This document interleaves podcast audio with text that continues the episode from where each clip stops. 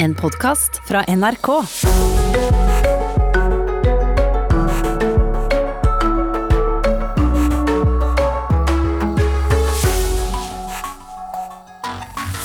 Riktig god morgen, alle dere som står tidlig opp, eh, selv om det er eh, ferie og midt i juli og dere kanskje ikke nødvendigvis trenger.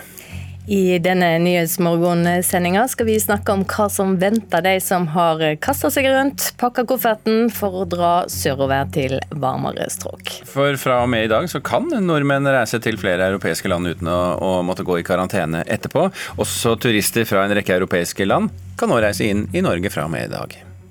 Og som vi hørte i Dagsnytt, politiet sendte alt tilgjengelig mannskap til Sarpsborg sent i går kveld, og ba også folk om å holde seg innendørs etter at tre kvinner ble angrepne med kniv. Vi skal straks høre mer om hva som skjedde.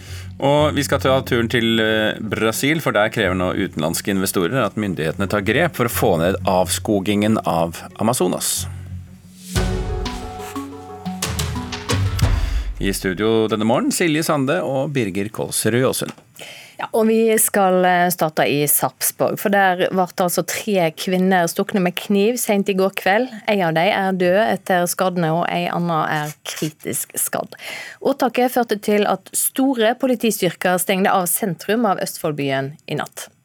Vi vurderte det som, som en pågående livstruende hendelse, og sendte alle tilgjengelige eh, mannskaper da, i, i retning Sarpsborg. Det sier Olav Unnestad, leder for fellesoperative tjenester i Øst politidistrikt, etter hendinger der tre kvinner ble stukne med kniv i Sarpsborg i natt. Politiet opplyser om at de først fikk melding om at ei kvinne var knivstukken på bussterminalen i Sarpsborg sentrum ved midnatt. Kort tid etter fikk de meldinger om to nye knivstikkinger på to adresser i nærleiken. Ei av kvinnene døde av skadene, ei er kritisk skadd, og den tredje har lettere skader. En mann er pågripen. En av ofrene mente å gjenkjenne gjerningsmannen, og han ble pågrepet på en eh, adresse i Sarpsborg eh, sentrum eh, noe tid etterpå. Vi føler oss trygge på at det kun har vært én gjerningsperson involvert. Det er ikke kjent hva som er motivet for angrepet, eller om det er en relasjon mellom angripsmannen og kvinnene men den pågripne er en kjenning av politiet. Ole Martin Gilde var vitne til arrestasjonen. Så Jeg overhørte jo før noen visste det, at eh, han var pågrepet. For at det stoppa en eh, politibil rett utafor vinduet mitt. Og Da var det tre sivile som kom gående, og, og da snakka politiet med dem og ba dem komme seg vekk. Eh, og Da spurte dem om det var noen som var pågrepet, og da sa politiet ja. Det var lenge før det kom ut i media. Store politistyrker har vært til stades i Sarpsborg sentrum i natt, og politiet ba folk holde seg innendørs. Det var fordi at vi iverksatte en politiaksjon for å, å pågripe gjerningspersonen.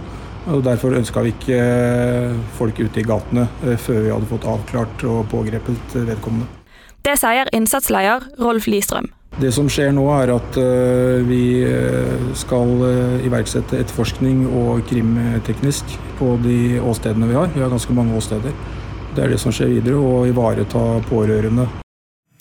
Og Politiet har varsla at de kommer med mer informasjon om denne saka i formiddag. Reporter her var Trine Svanholm Miche. Nå skal jeg komme med en liten saksopplysning til dere som uh, hører på Nyhetsmorgen akkurat uh, nå. Det er jo slik at vi produserer uh, et lite segment i løpet av den første halvtimen som vi kaller Skjedd i natt skjer i dag. Og det er en, en, par minutter som vi klipper ut, og så legger vi det til smarthøyttalere, sånn at alle som da har lyst til å høre på og få den siste oppdateringen på et gitt tidspunkt når de selv ønsker, de kan da få det opp og frem. Og da er det litt rart for dere som hører på nå, at vi nok en gang skal snakke om det som skjer i, eller skjedde i Sarpsborg. Men det er altså grunnen til det. Det er denne her eh, lille valgbare eh, greia vi har, som vi legger ut som en tjeneste. da. Men da blir det litt rart. Og det rare, det begynner nå.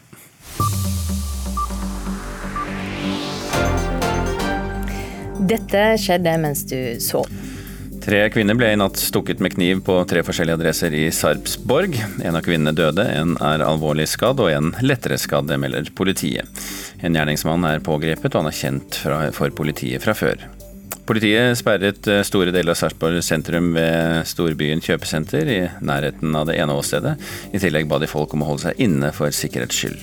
Politiet jobber fremdeles med vitneavhør og kriminaltekniske undersøkelser på de forskjellige åstedene. I USA er den 87 år gamle høyesterettsdommeren Ruth Bader Ginsburg innlagt på sykehus med det som kan være en infeksjon. og får intravenøs eh, behandling. Ginsburg har tidligere blitt behandla for kreft i bukspyttkjertelen. Som én av fire liberale dommere blir helsetilstanden hennes eh, fulgt nøye av Trump-administrasjonen. De ønsker å utnevne en ny dommer som kan vippe amerikansk høyesterett i en mer konservativ retning. Det var ved midnatt registrert 9001 tilfelle av koronasmitte i Norge, ifølge foreløpige tall fra Folkehelseinstituttet. Det er en økning på 17 tilfeller siste døgn. I alt får nå sju personer behandling på sykehus for covid-19-sykdom. Det er registrert 253 døde av sykdommen her i landet så langt. Og dette får du vite mer om dersom du følger med på NRK Nyheter utover dagen. Kulturminister Abid Raja og helseminister Bent Høie har invitert deler av kulturlivet for å diskutere praktiseringen av énmetersregelen. Norske kino- og sceneinstitusjoner har jo stusset over at man kan sitte tett på bussen, men ikke i kino eller konsertsal. Og dette møtet det skal skje klokken eh, fire i dag. Også varsla litt saker utenriks. Det er valg på ny nasjonalforsamling i Nord-Makedonia i dag. I Frankrike legger landets nye statsminister fram sitt program for nasjonalforsamlinga, og i Russland er det varsla demonstrasjoner mot eh, grunnlovsendringene. Fra og med i dag så kan nordmenn reise til flere europeiske land uten å måtte i karantene når de kommer hjem til Norge igjen. Turister fra en rekke europeiske land kan eh, dessuten reise inn i Norge. Reporter Vivian Stensrud med oss fra flyplassen på Gardermoen, god morgen. God morgen, god morgen. Er det mange turister der nå? eh, nei, det vil jeg ikke si at det er. Nå skal det sies at jeg har ikke vært på Gardermoen på ganske lenge. Så hvordan det er her nå sammenligna med andre dager i korona, det vet jeg ikke helt. Men eh, alle vi som har vært på Gardermoen er nok vant til å se en ganske mye mer hektisk flyplass enn hva det er her nå. På tavla så er det stort sett liste over avganger innenlands.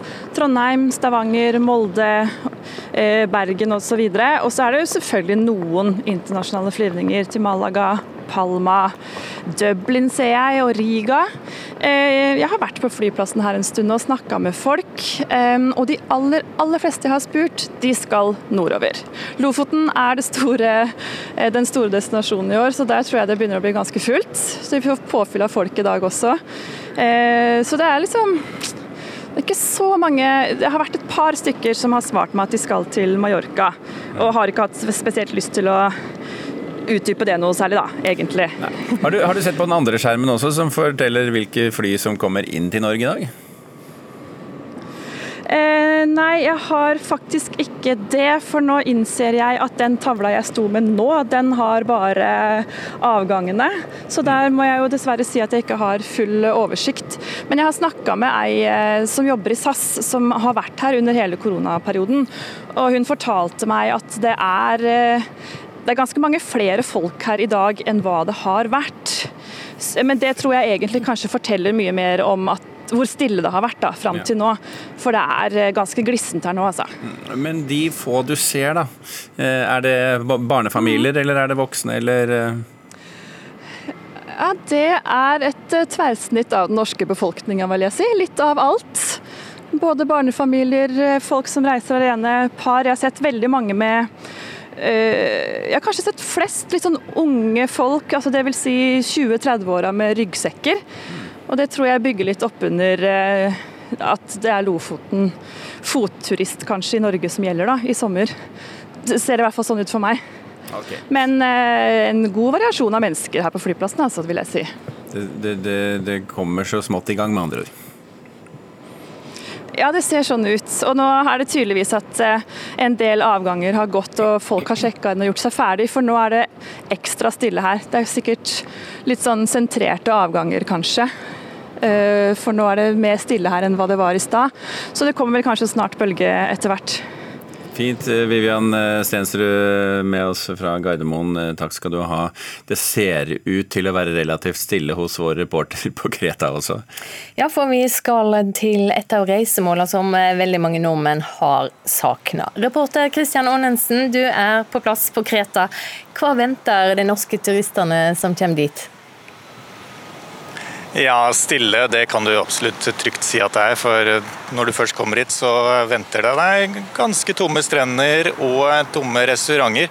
Men eh, før du kommer så langt, så må du da fylle ut et eh, helseskjema på nett 24 timer for i det hele tatt å få lov til å gå om bord. Og så er det jo denne ansiktsmasken da, som er obligatorisk på alle, all offentlig transport, alle fly.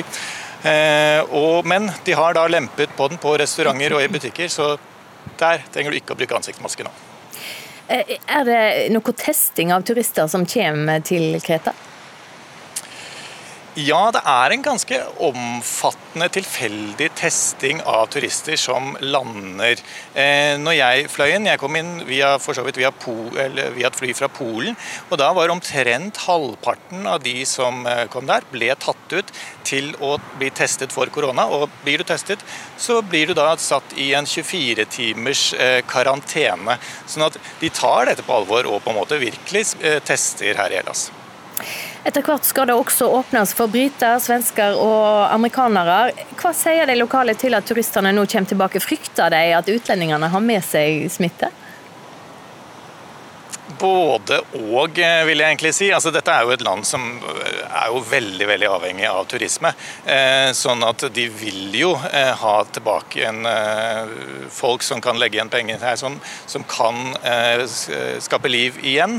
Men samtidig så frykter de turister. Vi ser jo på de stedene som har åpnet opp, kanskje spesielt nord i Hellas, så har det vært en smitteøkning knyttet til turister som har kommet da spesielt fra Serbia. Sånn at det er en skeptisk til, skeptisk til Eh, at de får nye turister. men dette er jo et land som også egentlig ikke har kommet tilbake igjen etter finanskrisen for ti år siden. Så de, det er mange her som sliter økonomisk. Så de trenger at turistene kommer tilbake, med andre ord? Det kan du trygt si at de ønsker. Og her ute på øyene er det jo relativt lite smitte. Det er registrert lite smitte her, her ute. og selv om vi har sett for Hellas eh, totalt sett, så har det jo vært en dobling fra rundt 200 til rundt 400 fra juni til juli. Men det såkalte R-tallet, altså hvor mange en smittet person smitter videre, ligger på 0,3-0,4. Så det er registrert lite smitte her nede. Takk eh, så langt, reporter Christian eh, Aanensen.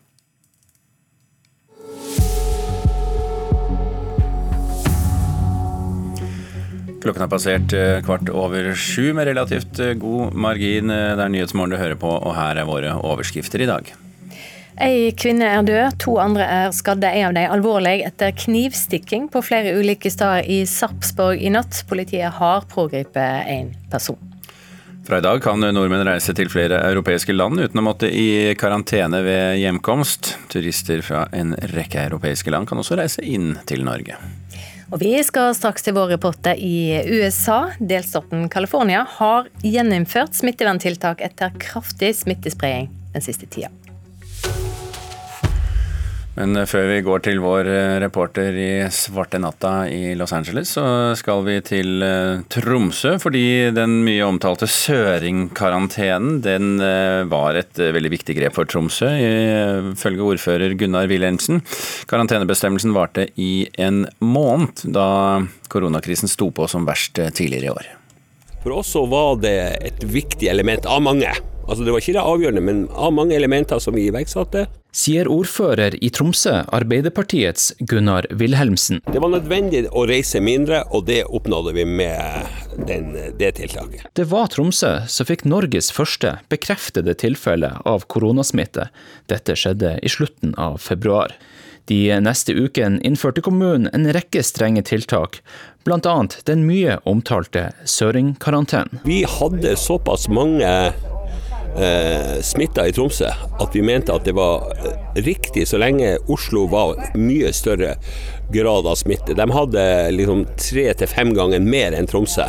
Søringkarantenen innebar at alle som kom reisende fra sør for Dovre, måtte to uker i karantene i Tromsø. Dette var stikk i strid med anbefalingen fra nasjonale myndigheter. Er ikke det, det med søringkarantene å vende ryggen til nasjonale myndigheter i, i krisetider?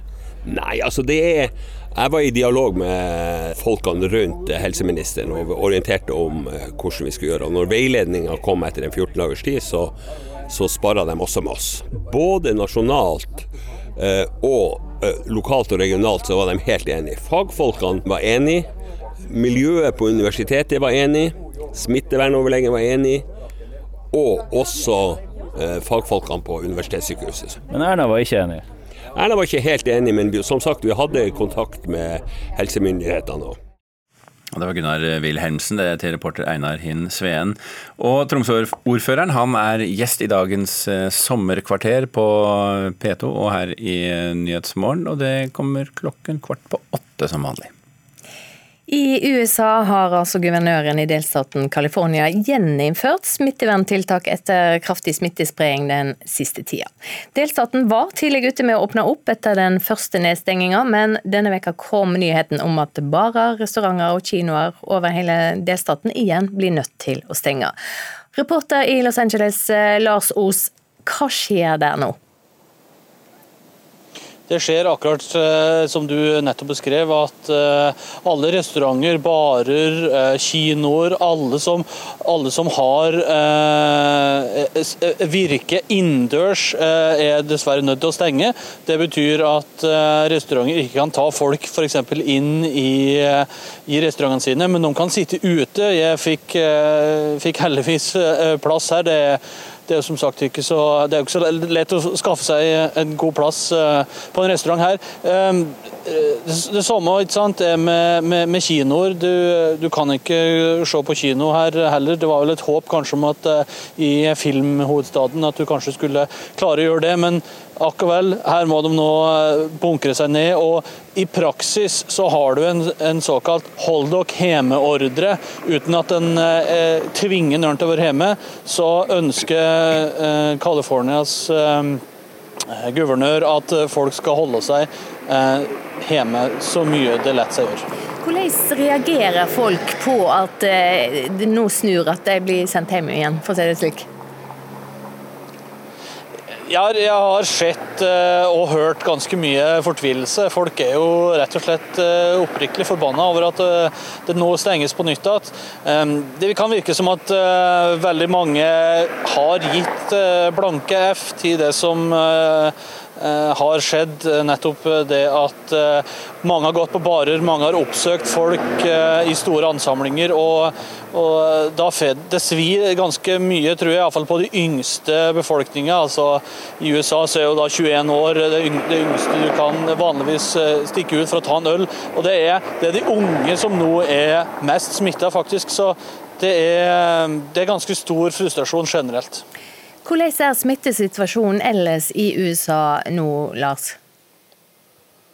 Altså, du har solbeltet som strekker seg fra Florida gjennom eh, sørstatene inn i Texas og hit til California. Det er, der, det er, der, det er definitivt verst. Nå Jeg kom fra Houston, Texas, der det er store problemer. De sier at det er nesten 90 av alle sykehussenger i Arizona de er fylt opp på intensivavdelinga. Eh, her i California er de veldig redd for at det skal fylles opp, men de tror at det skal være, eh, skal være nok. Og i New York f.eks., altså hvis du skal fly inn til New York til Connecticut eller til New Jersey. Så hvis de kommer fra California eller Florida, Arizona eller andre delstater der er veldig mye smitte, da må jeg gå i en 14 dagers karantene. For de har det, har det betydelig bedre med tanke på, på smittetallene. New York har gjort en veldig god jobb, slik som du ser i Europa, men de ønsker ikke folk inn eh, som er smitta. Eh, så må vi snakke om, Trump trua med at utenlandske studenter måtte forlate USA dersom universitetet de gikk på, holder holdt fram med digital undervisning til høsten pga. korona. Nå har han ombestemt seg. Hvorfor det?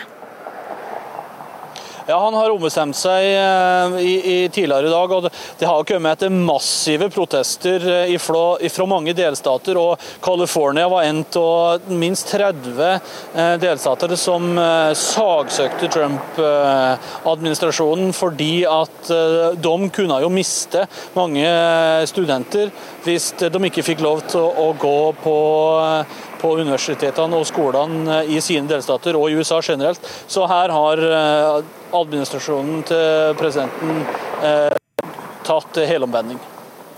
Takk eh, så langt, reporter i Los Angeles, Lars Os. Da skal vi til Brasil og spørsmålet om regjeringen der nå vil endre sin miljøpolitikk. Det er nemlig slik at en eh, ganske sterk eh, kapitalgruppe har, eh, av, av, utenlandske investorer har krevd nedgang i avskogingen i Amazonas. Og denne gruppen, som ledes av det norske selskapet Storebrand, hadde i går et videomøte med den brasil brasilianske kongressen, der de fikk støtte for sine krav. Skal verden oppleve et nytt brannår i Brasils regnskog? Det er den store frykten nå når Amazonas-området går inn i den tørre årstiden. Men denne uken vil Brasils regjering vedta et fire måneders forbud mot å tenne branner for å rydde jord i regnskogen. Det sier visepresident Hamilton Mourão. Vi innførte et slikt forbud på 60 dager etter brannene i fjor.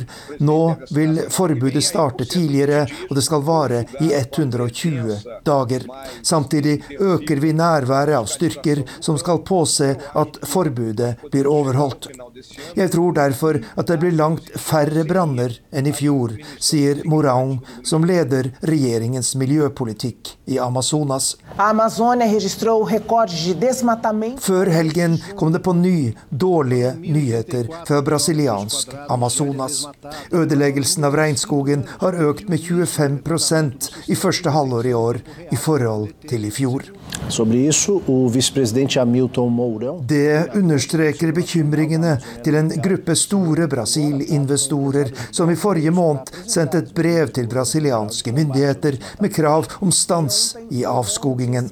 Brevet har utløst en interessant dialog med brasilianerne, sier gruppens leder Jan Erik Saugestad, konserndirektør for kapitalforvaltning i Storebrand. De tar vår uro som investorer alvorlig, og at de forstår at vi som langsiktige investorer også må forutsette en bærekraftig utvikling. I går hadde investorene en videokonferanse med presidenten og andre medlemmer av Brasils kongress, og de folkevalgte lovet å stemme imot miljølover som kan skade Brasils anseelse i utlandet. Around 40% of the labor force is in the informal economy, only partially assisted by the social safety net. I en tid da koronapandemien har styrtet Brasils økonomi ut i en bunnløs krise, er landet svært sårbart for press. Det har vært en dramatisk kapitalflukt de siste månedene, og myndighetene frykter at kritikken mot regnskogspolitikken vil forverre dette ytterligere. Det som skjer nå, er svært viktig, understreker lederen for Greenpeace Norge, Frode Pleim. Regnskogsødeleggelsen i Brasil kan bli enda verre enn i fjor. Derfor er det ekstremt viktig at store investorer som Storbrann legger press på bølleregimet til Bolsonaro gjennom å snakke et språk som han forstår penger. Reporter i Brasil, Arnt Stefansen. Vi har snakka om det tidligere i dag. I dag åpner altså Norge grensene for eh, både tyskere og flere andre europeiske nasjonaliteter. For mange er det gledelig at utenlandske turister endelig får lov å komme. For andre så har denne spesielle sommerferien eh, sprengt eh, kapasiteten.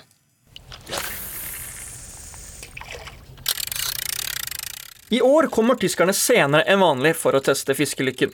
For mange har det skapt store problemer. Men på Tornes fjordcamping derimot, så begynner problemene først når tyskerne kommer. Juni måned har vært utrolig bra. Det starta veldig dårlig i både mars og april, og litt bedre i mai. Men juni har vært en tredobbel i forhold til fjor, da, i omsetning. For vår del. Det forteller Raymond Årsbog. For når Norge åpner grensene sine til mange land, kan det bli kaos. Ja, med, med, med en gang regjeringa åpna på fredagen, på en måte, så hagla det inn med mailer og telefoner her, og på WhatsApp og alt mulig. At da kasta tyskerne lås og begynte å kjøre oppover. Første kommer nå på torsdag. da, Han eh, har bestilt det for over en måned. så, Og så går det og slag i lag eh, med flere som kommer fra Tyskland. Hyttene er fullbooket ut juli og halve august, og campingplassen tar 25-30 biler. Allerede før tyskerne kommer, har Årskog måttet ty til kreative løsninger. Så er det til og med tre, tre hus utenom. Da, så til, ja, to, er nå, to er på en måte arbeiderfirma da, som ikke har andre plass å legge seg. på en måte. For det, De fleste campingplasser er fullt rundt om her. Alle hotell er fullt om. Vi måtte faktisk legge to gjester på madrassen her på eh, et sånt TV-rom som vi har til nøds her. På motsatt ende av skalaen sitter Knut Asle Goksøyr på Goksøyr camping på Runde. Han har ikke noe stor tro på at det kommer en stor strøm av turister når Norge har åpnet grensene. Vi regner ikke med at det blir kaos, slik som det kan være beskrevet på enkelte steder. Det tror ikke vi nok på. For selv om det vil komme flere bobiler, så er sesongen til Goksøyr ødelagt. Vi regner med at det dukker opp en del bobiler som som da reiser fritt uten å ha detaljert forhåndsplan. Eh, og kanskje til slutt, da Bayern har jo alltid siste ferie i Tyskland. Der er fylkesvis oppdeling ganske strengt også. Og Bayern til slutt, så vi regner med å få en del av dem, da. Men det er kun sånn som vi regner med. Vi har jo ingen sikre indikasjoner. Vi klarer ikke å ta igjen noe som helst. For uansett hvor godt det blir, så var det enda bedre i fjor slik at alt som er tapt, er tapt. Tilbake på Tornes fjordcamping forventer man litt mindre travle dager når august begynner, selv om sesongen sannsynligvis blir forlenget. Ja, det, det er klart det. Når fellesferien nå i juli for norske på en måte er over, så blir det litt lettere. ja. Tyskerne har kommet til å være for mye for lenge siden. De, de kommer ganske tidlig den, når det har vært normalt. Eh, og Nå starter på en måte sesongen nå, og da kommer den til å gå hele august og deler av september, tenker jeg. da. Reporter her Christian Deli Lokøy. Straks klart for eh, Dagsnytt i hovedsending med Anders eh, Borgen Werring. Etter det, om eh, vel ti minutter, skal det handle om en høytflygende idrett som har fått et kraftig oppsving denne spesielle våren.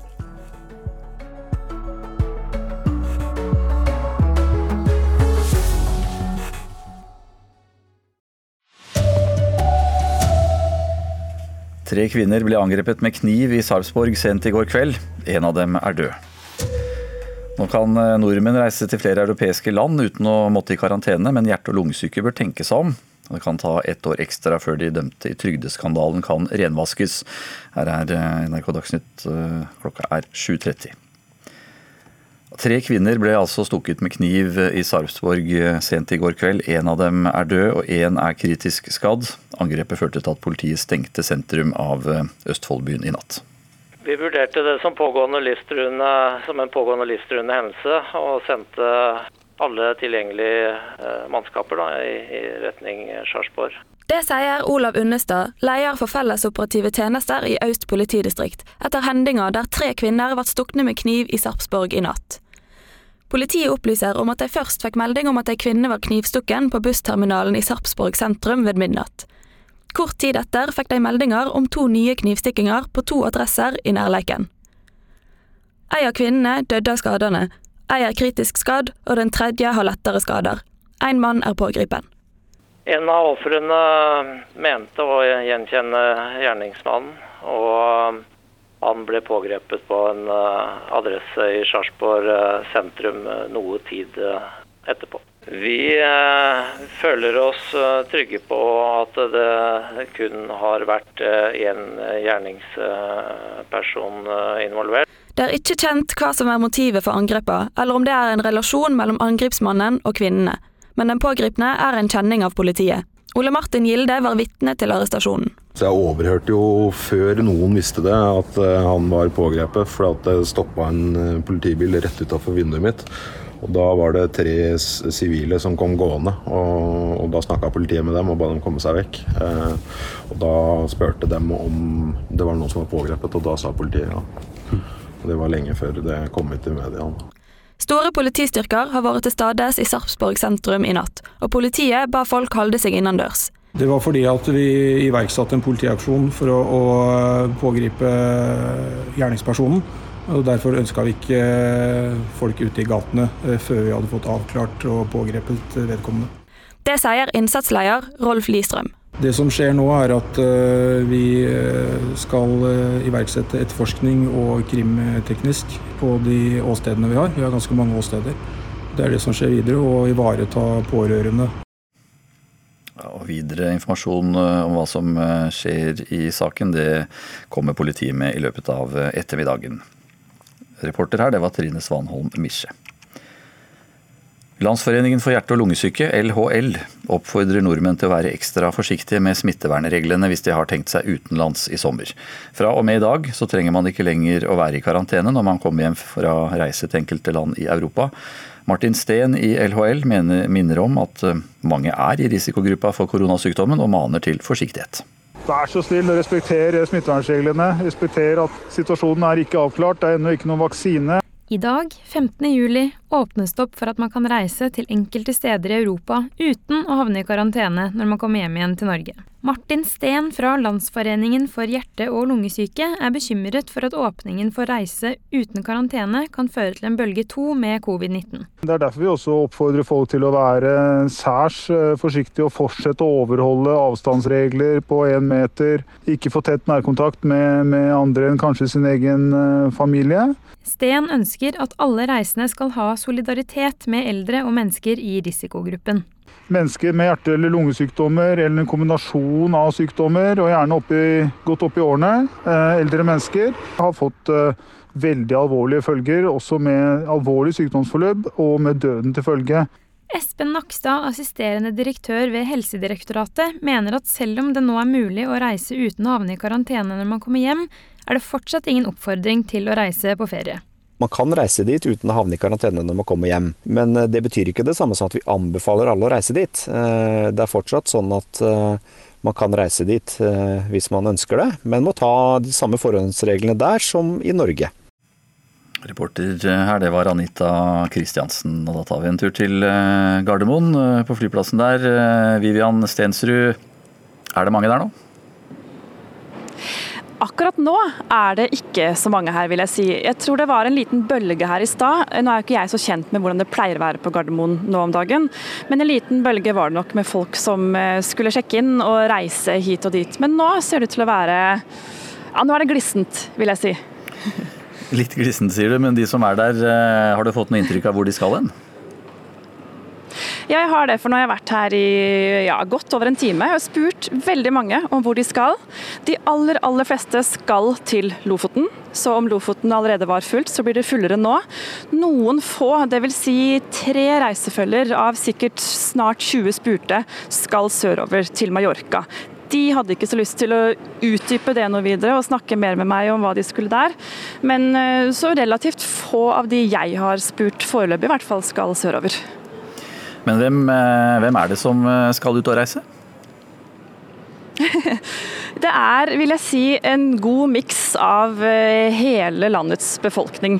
Det er liksom ingen som peker seg ut. Det vil si, det er ikke et flertall av barnefamilier eller unge par eller pensjonister. Det er litt av alt, vil jeg si. Folk som reiser alene, en god del barnefamilier og en god del pensjonister, en del par. Altså det er, ja, hva skal jeg si, et tverrsnitt av befolkninga vår som skal reise i dag, altså. Takk skal du ha, reporter Vivian Stensrud fra flyplassen på Gardermoen. Skal vi høre at det kan ta ett år ekstra før de dømte i trygdeskandalen kan renvaskes. Det skrev Riksadvokaten i et brev som bare ble lagt ut på deres egne nettsider 30.6. Rune Halseth, som ble dømt til fengsel for trygdeeksport, sier han fikk vite om utsettelsen ved en tilfeldighet. Han er ikke fornøyd. Da er det denne kommunikasjonen og informasjonen og alt dette her som svikter en gang til. Og vi ser det også som på en måte en skandale inni skandalen igjen. Flere titalls personer har blitt dømt til fengsel for å dra til utlandet mens de mottok penger fra Nav. Det har senere blitt konkludert med at det var lov til å reise til andre EØS-land mens man mottok trygdeytelser, etter en regelendring i 2012. Allikevel kan det ta ett år å bli renvaska, for nå skal nemlig EFTA-domstolen og Høyesterett også se på om dette var lov i perioden fra 1994 til 2012.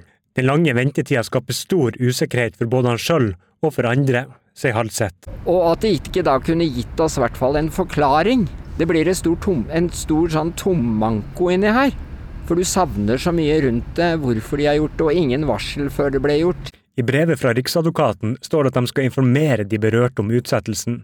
Setteriksadvokat Jon Henry Mæland har ikke anledning til å stille til intervju, men i en e-post til NRK skriver han at de er i gang med å informere de berørte, men at ferieavviklinga påvirker dette. Leder i kontrollkomiteen på Stortinget, Eva Kristin Hansen, sier at de berørte fortjener svar. Nå er det sånn at Hele Nav-saken er jo blitt satt litt i bero. Det var jo veldig stor oppmerksomhet før koronakrisa. Men nå tenker jeg at vi må få rydda opp, sånn at folk får svar og får eh, retta opp i uretten. Reporter her, det var Fredrik Kampevold.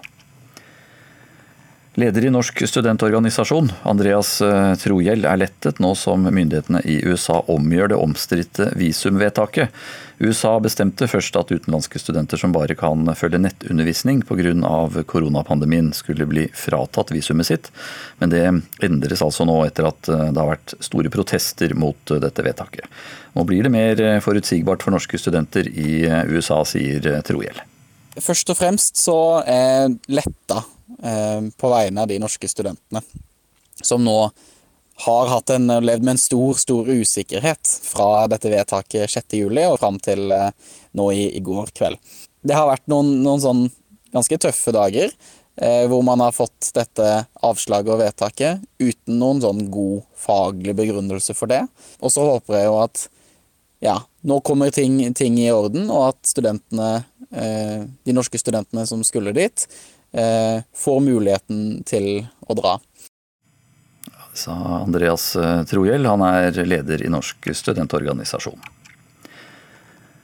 I år 2100 så kommer det til å bo 8,8 milliarder mennesker på jorda. Det viser eh, en stor studie som er omtalt i det britiske medisintidsskriftet The Lancet. Det er eh, to milliarder færre enn det FN tidligere har eh, regnet ut. Mer enn 20 land, inkludert Japan, Spania og Thailand, kommer ifølge studien til å få halvert innbyggertallet innen 2100. Og tallet er redusert bl.a. pga. synkende fødselstall og stadig eldre gjennomsnittsalder i befolkninger rundt om i verden. I dag så er det Tonje Grimstad som har ansvaret for eh, NRK Dagsnytt. Jeg heter eh, Anders Borgen Werring.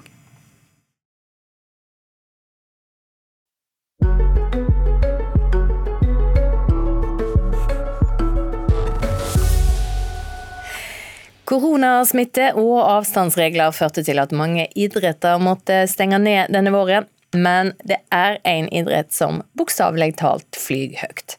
Plutselig er det blitt kø i parkene som er tilrettelagde for frisbeegolf, og sportsbutikker har gått tomme både for skeinebrett og korgene det gjelder å treffe. I Lynghaugparken i Fyllingsdal i Bergen er det en eh, frisbeebane med 18 slike korger. Der trener Håvard Frøysa, Erlend Johnsen og Olav Breistein fra Stormkast Bergen frisbeeklubb. Oh. Ah, nesten. Yes. De har ikke køller og heller ikke ball, men de kaller det golf. Håper finner minner. Og hvis ikke, er det kanskje ikke så farlig, for de har jo sekken full av tallerkener. Ja, jeg kan forklare litt. I hovedsak da, så er det samme som golf. Putter, så er den ganske tjukk. Midrange, den er litt smalere. Og så driver, som er ganske smal. Så Den er mer aerodynamisk og flyr lengre. da. Nå skal jeg prøve å ta helt på venstresiden og få den til å skru inn igjen rundt trærne til kurven. Ja, den kommer ikke nok til høyre, men den ligger nå borti der. Så skal Erlend prøve å hive i rett linje rett til kurven. Ah. Mens Olav skal hive på utsiden på høyresiden og få den til å skru inn til kurven. Ja, den kan bli bra. Medan fotball og det meste annet ikke var lov pga. Av avstandsreglene, det var bra, det. ble frisbeegolf veldig populært denne våren. Den da. Går rett i kurven, den. Oh! Det var liksom en av de første aktivitetene man kunne begynne med igjen. da. Så har det vært veldig mye som folk som går med kompiser og bare har det som en sånn hobby. da. Ja, er det covid-19 du driver og tørker av nå? Akkurat nå var det mest vannet, for jeg må få liksom grep for å holde den. da. Dette skal være lett. Akkurat denne her.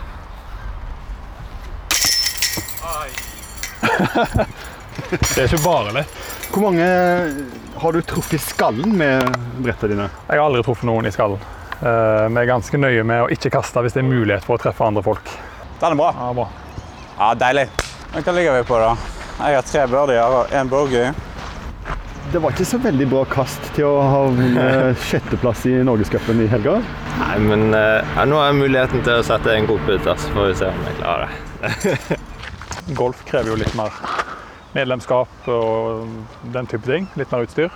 Her har vi en park som er åpen for alle, så her kan hvem som helst kjøpe seg en frisbee og gå, gå og kaste. For de tre karene som vi følger i dag, er frisbeegolf en seriøs idrett. Vi er i Idrettsforbundet, og her er kongepokal i NM, og her er norgescup og ja, ordentlig opplegg. Hva er farligst å få i skallen, en golfball eller en frisbee? Det er vel ikke så godt for noen av delene i hodet. Jeg er litt usikker, jeg har ikke blitt truffet av, av noen av delene. Men har du truffet noen av? Eh, nei, jeg har ikke truffet noen, heldigvis. Men du som har holdt på i 15 år, du har vel uh, hatt noen treff? Nei, ikke på mennesker, tror jeg. Det er liksom vårt hovedbudskap. Sikkerhet, ikke kast når det er folk i veien. Det er vårt hovedbudskap det nye. Og her kaster dere i en vanlig park der folk går uvitende rundt? Ja, det skal være trygt å gå på tur i Lyngeparken, så vi er nøye på at vi skal vente til de har passert hvis de er i banen der vi skal spille. Da. Tror dere det blir like populært når koronasituasjonen begynner å dabbe av? Jeg tror det fortsetter å bli populært. De som har begynt å kaste, de er nok blitt hekta. Og da er det vanskelig å slutte. Ja, det var det var reporter Leif Rune Løland som hadde snakka med flere medlemmer i Stormkast Bergen frisbeeklubb.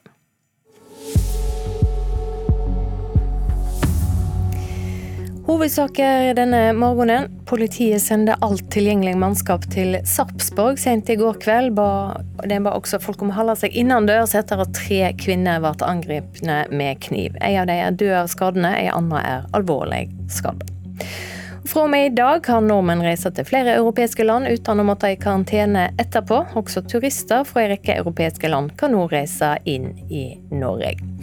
Og det kan ta et år ekstra før de som ble dømte i trygdeskandal kan renvaskes, ifølge Riksadvokaten.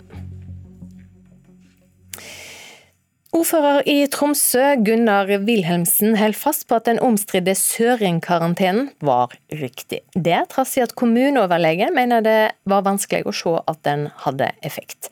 Men i sommerintervjuet med vår reporter Eirik Hinsveen vedgår Arbeiderpartiordføreren at han ofte ikke visste hva som ville være gode avgjørelser i et Tromsø som i vår var Nord-Norges soleklare episenter for koronasmitte.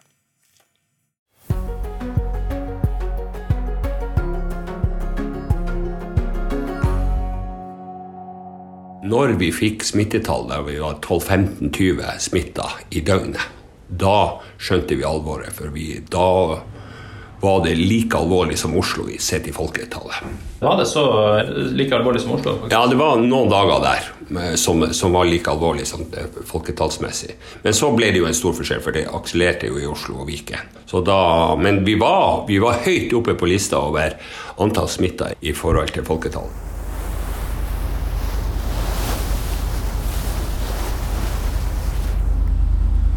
Mars, da det sto på som verst, er forbi. Det er blitt sommer, og flere politikere og toppbyråkrater fra Tromsø er på vei til Rebbenesøya med ferge. De skal ut og lytte til næringslivet i kommunens periferi, i ei tid der samfunnet gradvis åpner opp igjen. Men først må fergeturen betales. Er det noe sånn ordførerrabatt? Det vet jeg ikke. Hva gjør hvis det ikke er dekning? Arbeiderpartiets ordfører i Tromsø er kjent for sin politisk ukorrekte stil. Han tuller og tøyser med de fleste han møter, og samtalen på ferga med de andre kommunetoppene handler om alt annet enn politikk. Hva er dine oppgaver hjemme? Mine oppgaver det er å ta vare på søpla og tenke. Hva bruker du å vaske først, da? For der er mannfall når dere vasker opp. Tenker du at det er noe som burde vaskes før det andre? Jeg i oppvaskmaskinen. Ja. Det, ja, det skal settes i oppvaskmaskinen. Men Setter du kjeler og sånn i oppvaskmaskinen? Nei, det vasker jeg for hånd. Ja. Ja. Men jeg er jo sånn som rydder underveis når jeg lager mat. Okay. Jeg venter, tar ikke alt til slutt. Nei. Men støvsuger du? Nei, støvsuger Ja, jeg støvsuger jo. Klar. Jeg har sånn sentralstøvsuger. Hvorfor har du ikke robotstøvsuger? Nei, det kan jeg ikke med. Gunnar Wilhelmsen, ordfører i Tromsø. Jeg er sjelden i dårlig humør. Jeg kan bli engasjert og av og til irritert, og, og litt mer enn det òg, men i utgangspunktet så, så, bruker jeg å si at når man jobber, så jobber man, og da jobber man hardt og godt. Og så må man ikke glemme av og til å være gutt og ha det artig. Jeg tror man får med å ha et glimt i øyet og ha litt fliring, gjør at man får mer energi. Hvilken måte er det viktig som ordfører å kunne få ut gutten i seg av og til? Nei, altså det er Når du har møter, så skal du være tydelig på hva du, hva du mener, og hvordan vi vil ha det som politikere. Og så må man komme med en humoristisk tilnærming eh, på enkelte områder, men allikevel få frem budskap. Og det er mulig å få til. Vel fremme på Rebbenesøya er det folkemøte om fiskeri og næringsutvikling. Før Wilhelmsen ble ordfører, var han selv en betydelig skikkelse i næringslivet i Tromsø. En skikkelse med høy røst. Nå en politiker du hører lett i folkemengden. Og en ordfører som etter å ha blitt valgt i fjor høst, fikk en rekke tunge saker rett i fanget. Det toppa seg med koronakrisa. I byen så fikk Norges første bekreftede smittetilfelle. Dette skjedde i slutten av februar, da ei norsk kvinne kom hjem til Tromsø fra Kina. Hva tenkte du da? Da var jo alvoret virkelig kommet til Tromsø. Men vi hadde en 14 dager før så hadde vi en falsk alarm med melding fra universitetssykehuset. Og, så vi hadde hatt satt krisestab noen uker før. Men, eh, så vi var litt bedre forberedt. Men allikevel så ble det jo alvorlig når vi fikk det første tilfellet i Tromsø. Og da sov man lite de dagene der. Hvor mye sov du? Nei, det var sånn fire-fem timer før man liksom våkna og tenkte hva nå, og hva vil smitteoverlegen eh, rapportere det, hver morgen. Vi hadde veldig mye smitte i begynnelsen i Tromsø. Vi hadde over halvparten av de smitta som var i Nord-Norge, var bare i Tromsø. Hvordan var det for deg som fersk ordfører å stå midt oppi ei sånn krise? Nei, det var, det var, skremmende i den forstand at du ikke visste hva du skulle gjøre. Og vi tok jo, Først tok vi jo cruisetrafikken og stengte, og vi hadde jo da mellom 3000 og 4000 turister bare i Tromsø sentrum den, den dagen da det smalt. Og man venter fortsatt charterfly fra Nord-Italia på den tida der.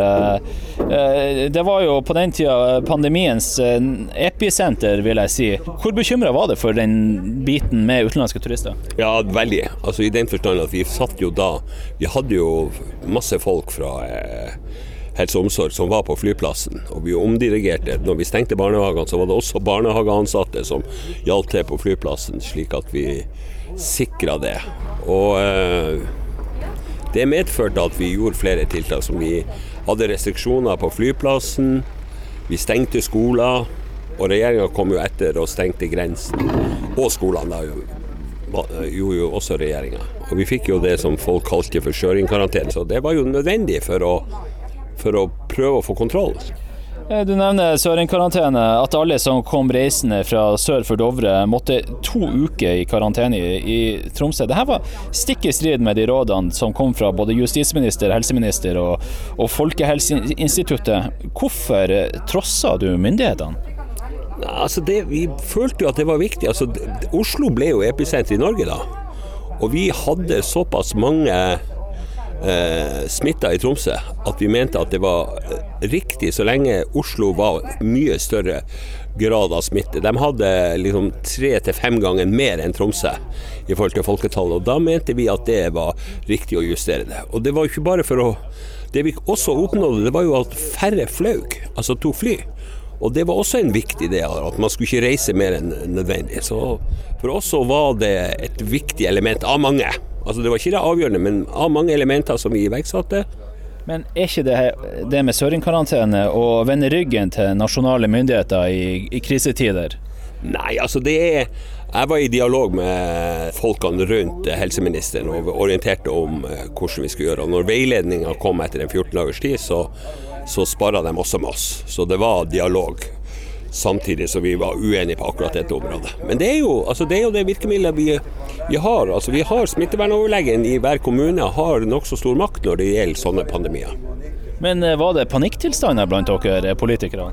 Nei, det vil jeg ikke si. Altså vi, Vi visste jo ikke hva type tiltak som ville eh, være best. Men det er jo summen av de tiltakene som vi har gjort, gjorde at Tromsø kom godt ut av det. Og vi, vi gjorde bl.a. det vi, Av de større kommunene i Norge så var vi den som testa mest.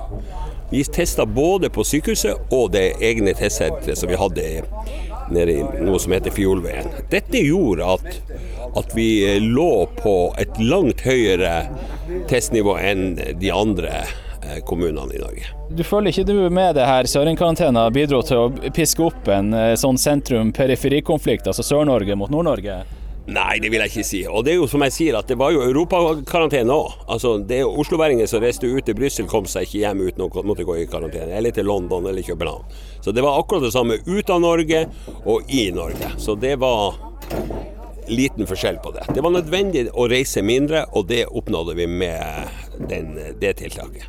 Tromsø har jo lenge snakka om seg sjøl som en, en, åpen og inkluderende by. Tenk, Syns du ikke konseptet sørenkarantene synes du det fremstår vennlig?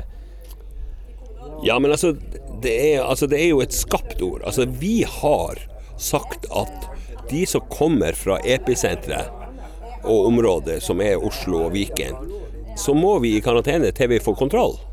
Og jeg mener jo at både nasjonalt eh, og eh, lokalt og regionalt så var de helt enige. Fagfolkene var enige.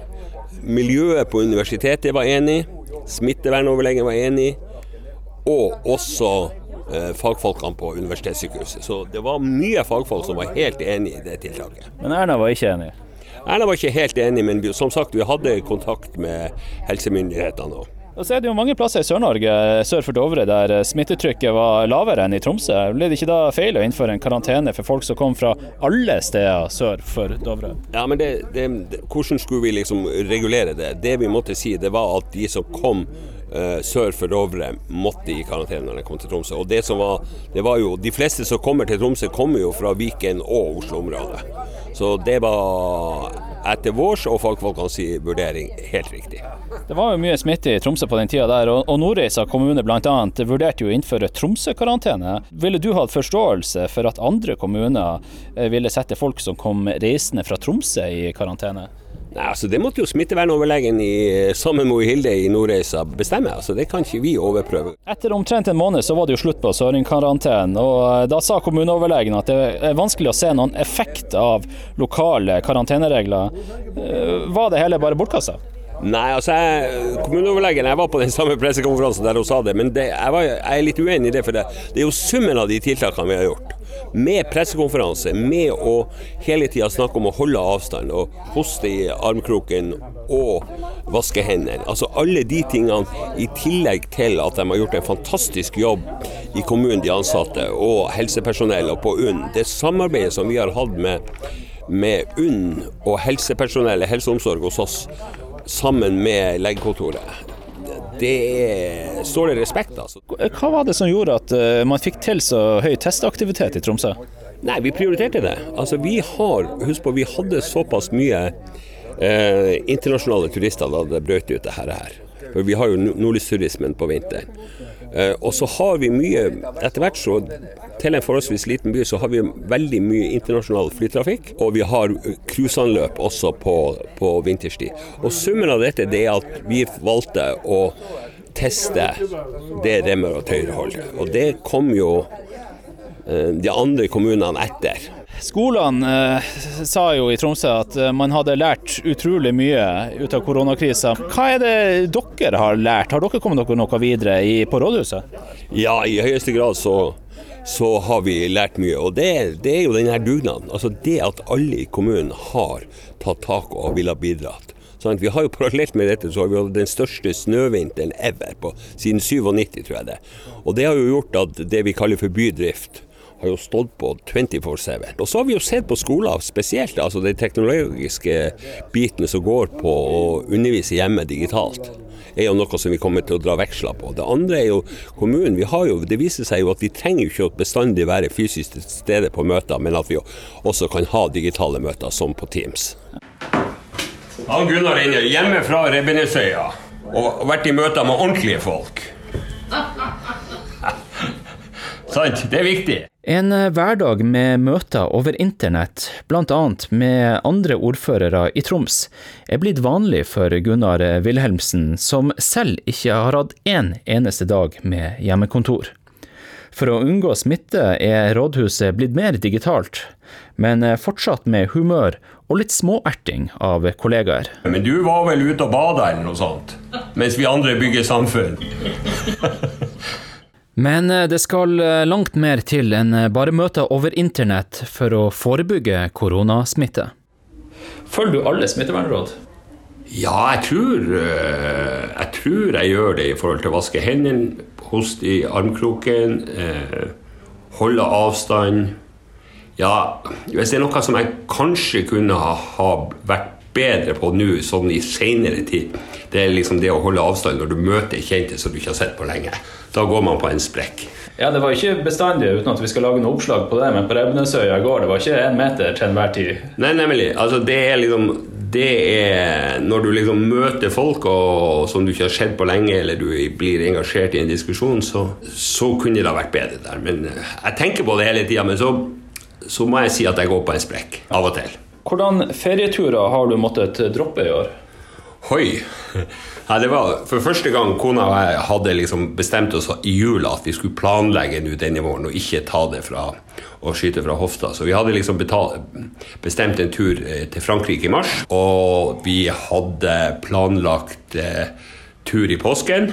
Og jeg skulle på guttetur i mai.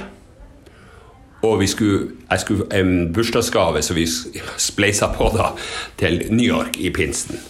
Pluss sommerferien nå 9. juli. Så Alt dette hadde vi kjøpt billetter til, og alt det er kansellert. Så vi har aldri planlagt så godt som denne våren, og selvfølgelig aldri avlyst så mye som denne våren. Det som gjenstår å se, det er jo når Frankrike åpner.